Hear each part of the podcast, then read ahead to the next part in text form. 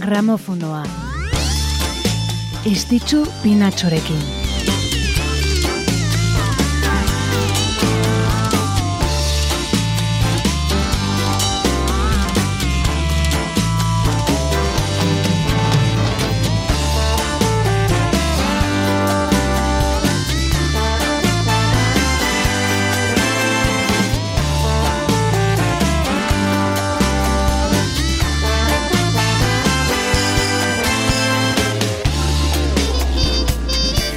Arratxaldeon, arratxaldeon denoi ongi etorri gramofonora. Musikarekin disfrutatu eta hoiekin lotutako gertakari nabarmenenak gogora ekartzeko egiten dugun saio honetara. Ordu erdi zaritzen gara, orain hasi eta iruterdiak bitarte gutxi gutxi beti. Gaur ere, kantu zerrenda bikaina prez dugu, eta hoiek testu inguruan jartzeko zenbait musikariren bizitzak ere errepasatuko ditugu. Beraz, pres bazaudete, gehiago luzatu gabe, aste honetako errepasoarekin hasiko gara.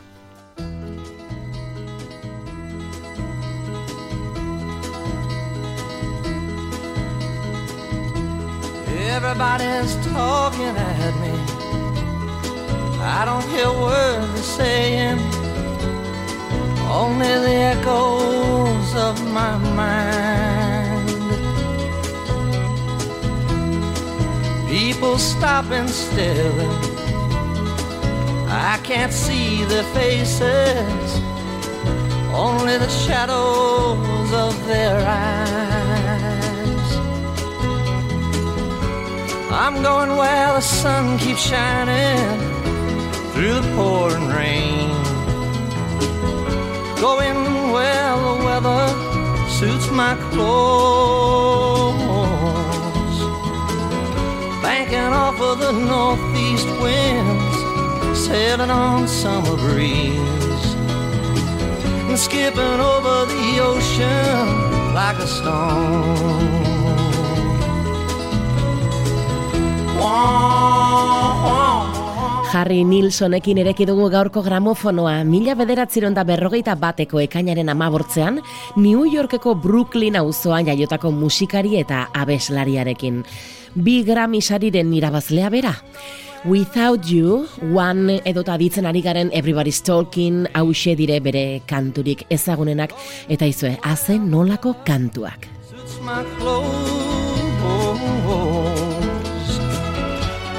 Banking off of the northeast winds, sailing on summer breeze, and skipping over the ocean like a stone. Everybody's talking. Mila bederatziren da irurogeita mabian, Without You abestiarekin lortuzun arrakastarik haundiena Harry Nilsonek, belaunaldi oso bat txunditzea lortuz. Mino bere bertze arrakastetako bat Everybody's Talking hause aditzen ari garen hause izan zen Midnight Cowboy filmeko soinu bandaren abesti nagusia. Irurogeita malauan John Lennon izautuzun. Eta hau denboraldi baterako joko honoren gandik banandu zenean, ba Harry Nilsonen lagun eta parrandakide bihurtu zen. Honen emaitza izan zen, elkarrekin abestu zuten abesti bat, All Dirt Road, John Lennonen Walls and Bridges albumerako grabatu zutena. Ringo Estarrekin ere lan egintzun, bertze hainbat eta hainbat izen handiren artean. Gaur, gramofonora ekarri dugu Harry Nilsson hogeita amar urte bete direlako, edo bete zirelako astelenean hobeki erranta, musikari bikaina hau agurtu genuenetik.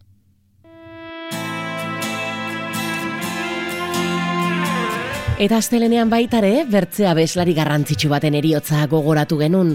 Izan ere, 2018ko urtarrilaren ama bortzean zendu zen Dolores Horri Ordan.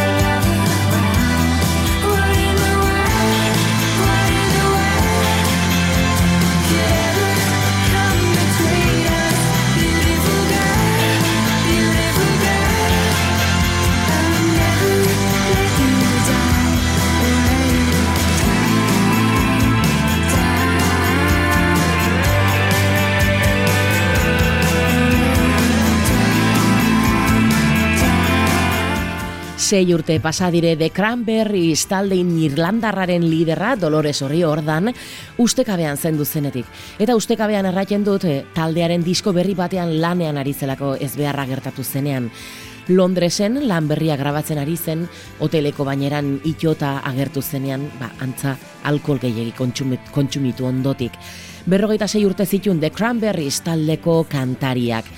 Mundu mailako arrakasta lortuzun, laro geita amarreko amarkadan, Linger, Dreams edota Zombie bezalako arrakastekin. Taldeak berrogei milioi disko bino gehiago saldu zitun, eh? Bakarkare egintzun, bere bidea, aditzen dugun Ordinary Day bezalako kantuak aurkeztuz. Billboarden arabera, musika alternatiboko emakumezko ahots ospetsuntako bat izan zen Dolores Horri Ordan.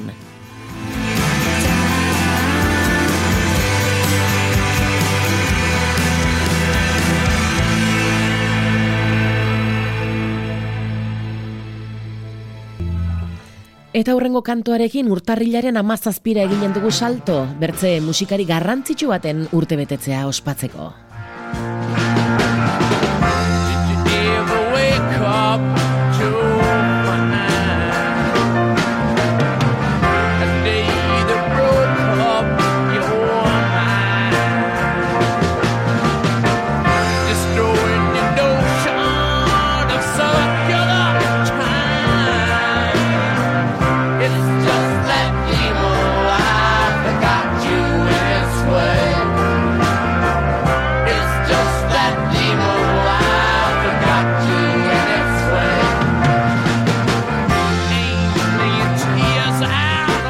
Bederatziron da berrogeita bedetziko urtarrilaren amazazpian jaio zen ingalaterran Mick Taylor. Hemezortzi urte bete zituen erako John Mayalan de Blues Breakersekin jotzen zun gitarrista. Hemezortzi urtekin hori eta hogeiekin Brian Jones ordezkatuzuna Rolling Stones taldean honen eriotzaren ondotik.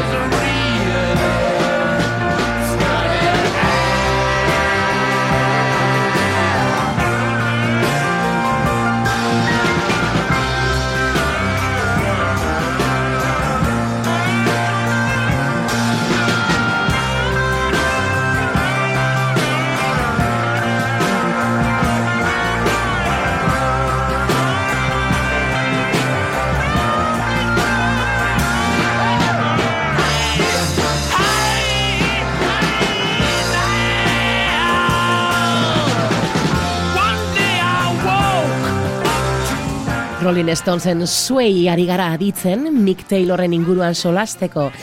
Bertze soinu bat eman zion taldeari, Rolling Stonesi. Gainera bere parte hartzea etzegon gitarrara bakarrik mugatua, erraten denez, irurogeita marreko amarkadaren hasieran Taylorrek Mick Jaggerrekin kolaboratuzun abesti batzutan, abesti batzuk idazten, garai hartan Keith Richards, eba, drogekiko menpekotasunean murgilduta zegolako, adibidez, aritzen ari garen suei honetan. Mino egia da baitare Mick Taylorrek ordun etzula luze iraun, mila bederatzen da irurogeita mabortzean taldea utzi zuelako.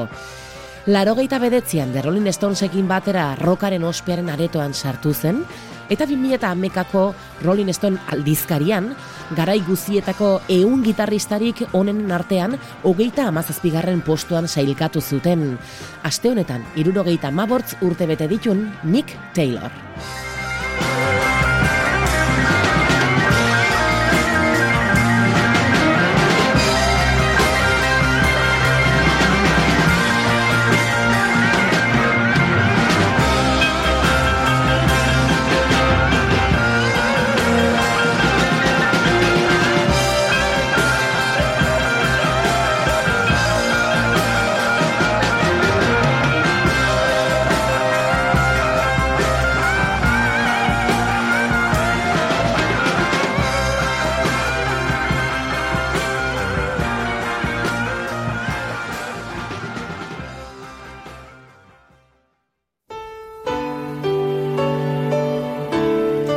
Eta joan den urte bukaeran, atzean utzi berri dugun 2008 iruko azaroaren hogeita marrean, Shane McCoganen eriotzaren berri izan genun, Depoges talde Britainiarraren sortzailedako bat izan zenarena.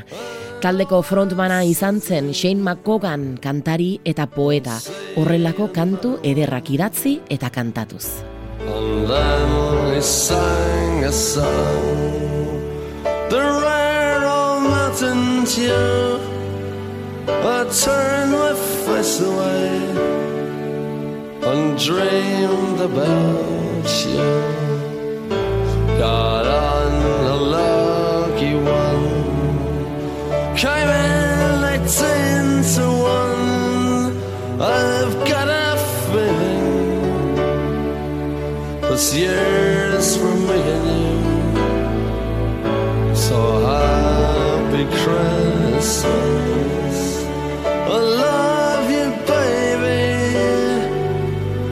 See a better time when all our dreams come true.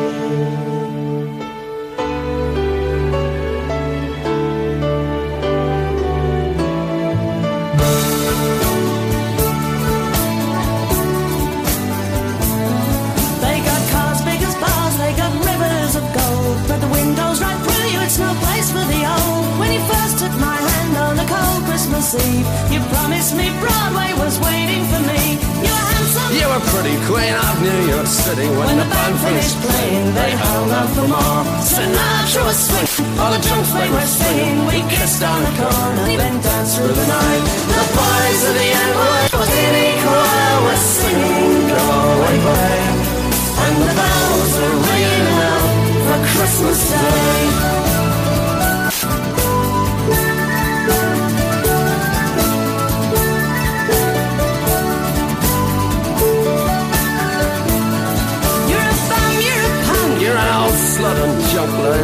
Almost dead on a dripping hot bed. You scumbag, you maggot, cheap, cheap, lousy faggot. Happy Christmas, you're ours. God it's our love. The boys of the NYPD chorus still singing, go away, brave. And the bells are ringing out for Christmas Day.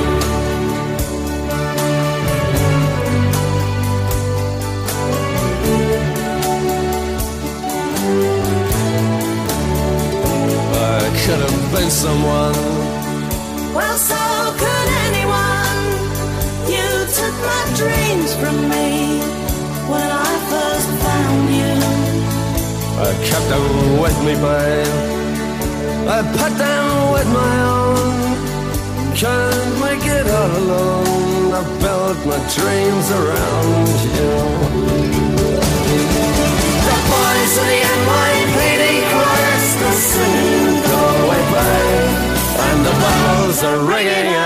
for Christmas Day. Shane McCowan omendu nahi izan dugu gaurko gramofonoan. Aste honetan depoges taldeak beren hirugarren diskoa argitaratu zuenetik hogeita amasei urte bete direla aprobetsatuz. Lan honetan Irlandako folkaren eta punk rockaren fusioari Espainiako eta ekialde erdiko folklorearen eraginak gehitu zitzaizkion, eta aurreko bi albumek bino planteamendu komertzialagoa izan zun. LPak aditzen dugun kantu ezagun hau zekarren, Gabonetako Fairy Tale of New York izeneko hit hau. Kirsti McCullekin grabatua, hilabete lehenago single gisa argitaratu zena, eta ingalaterrako zerrendetan bigarrena izan zena, taldearen diskorik salduena bihurtuz.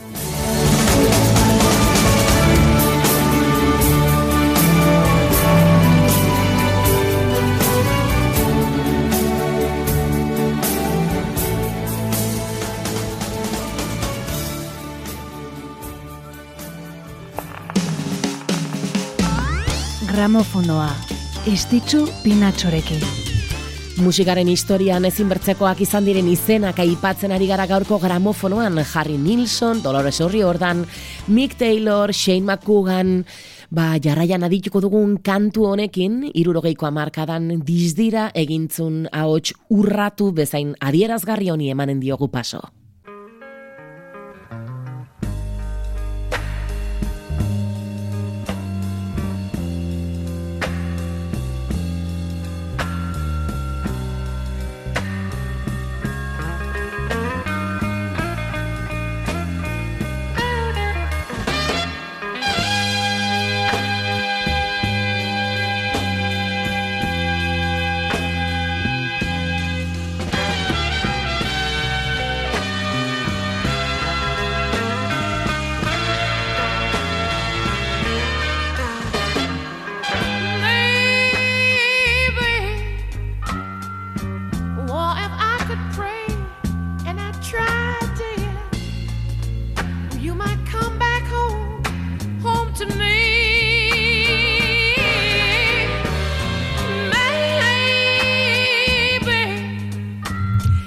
Janis Joplin da jakina.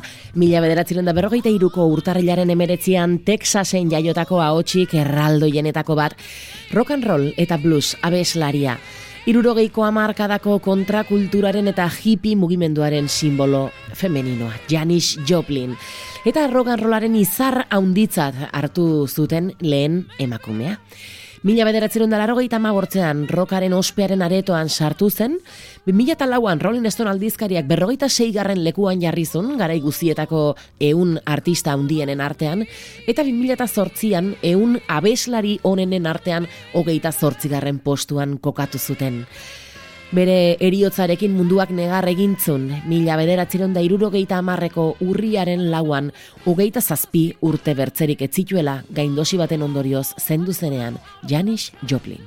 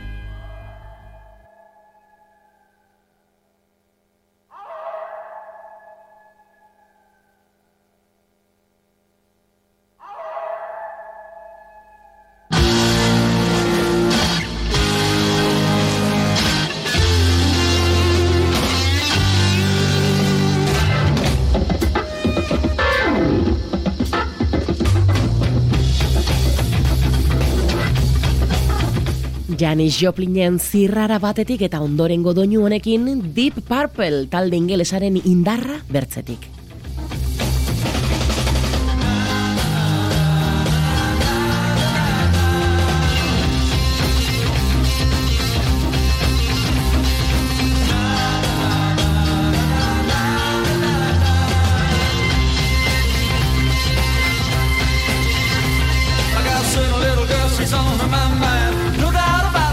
sofá.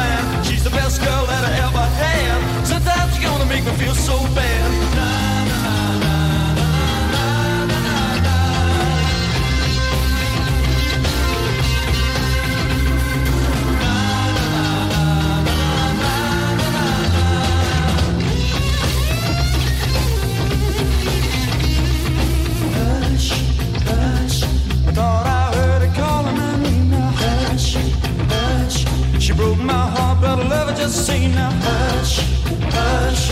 I thought I heard her calling my name now hush, hush. I need your loving and I'm not to blame now.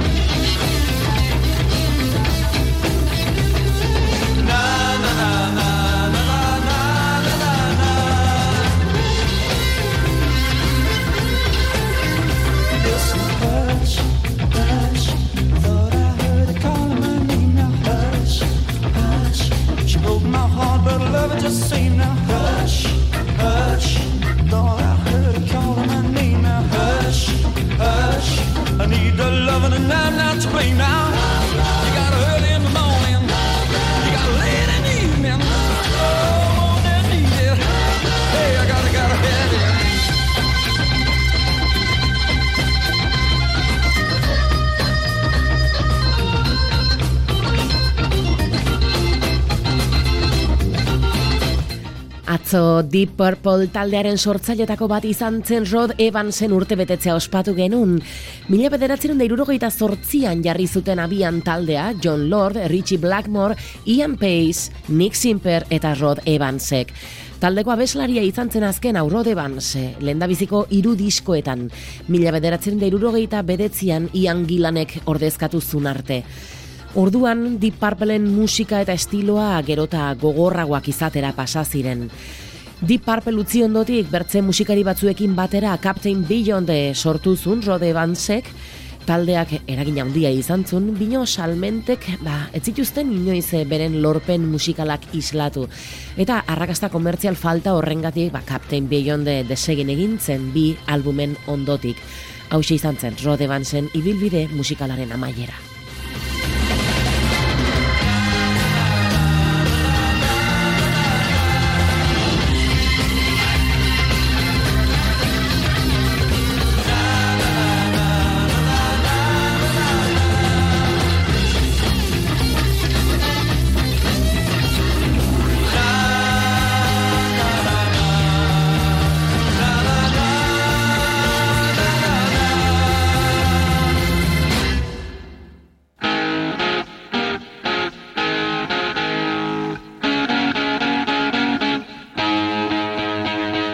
Musikari handiak bakarrik ez, talde benetan esanguratsuak ari gara aipatzen gaur.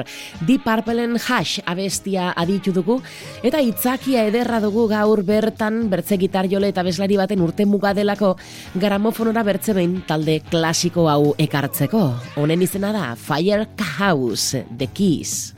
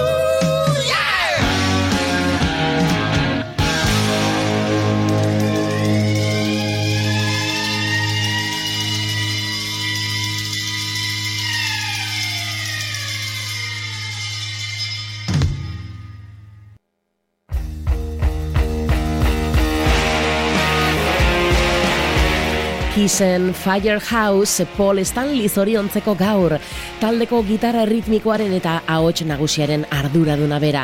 The Star Child edo izar umearen pertsonaiaren atzean zegoena. Paul Stanley gaur irurogeita amabi urte.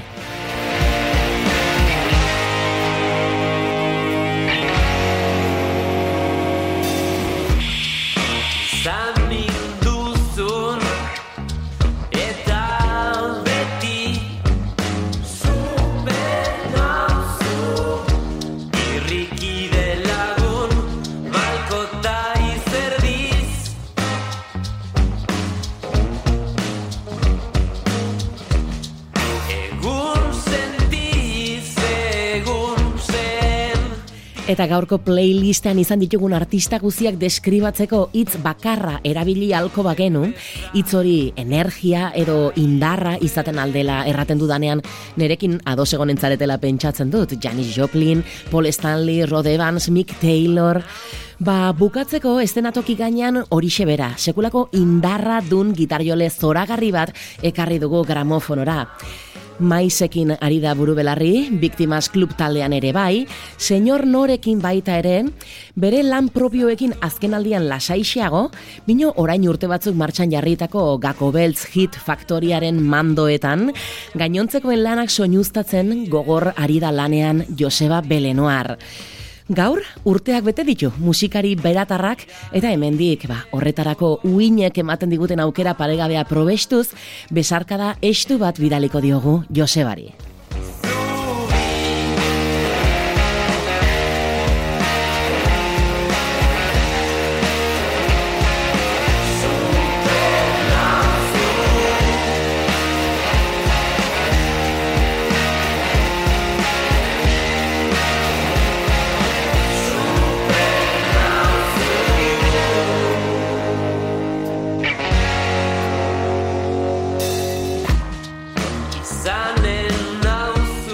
Eta zuei gogorarazi bertzerik ez urrengo larun batean ere, hemen izanen garela, arratsaldeko iruetatik aintzinera, naiz irratian. Bitartean, txintxo ibili eta zoriontsu izan.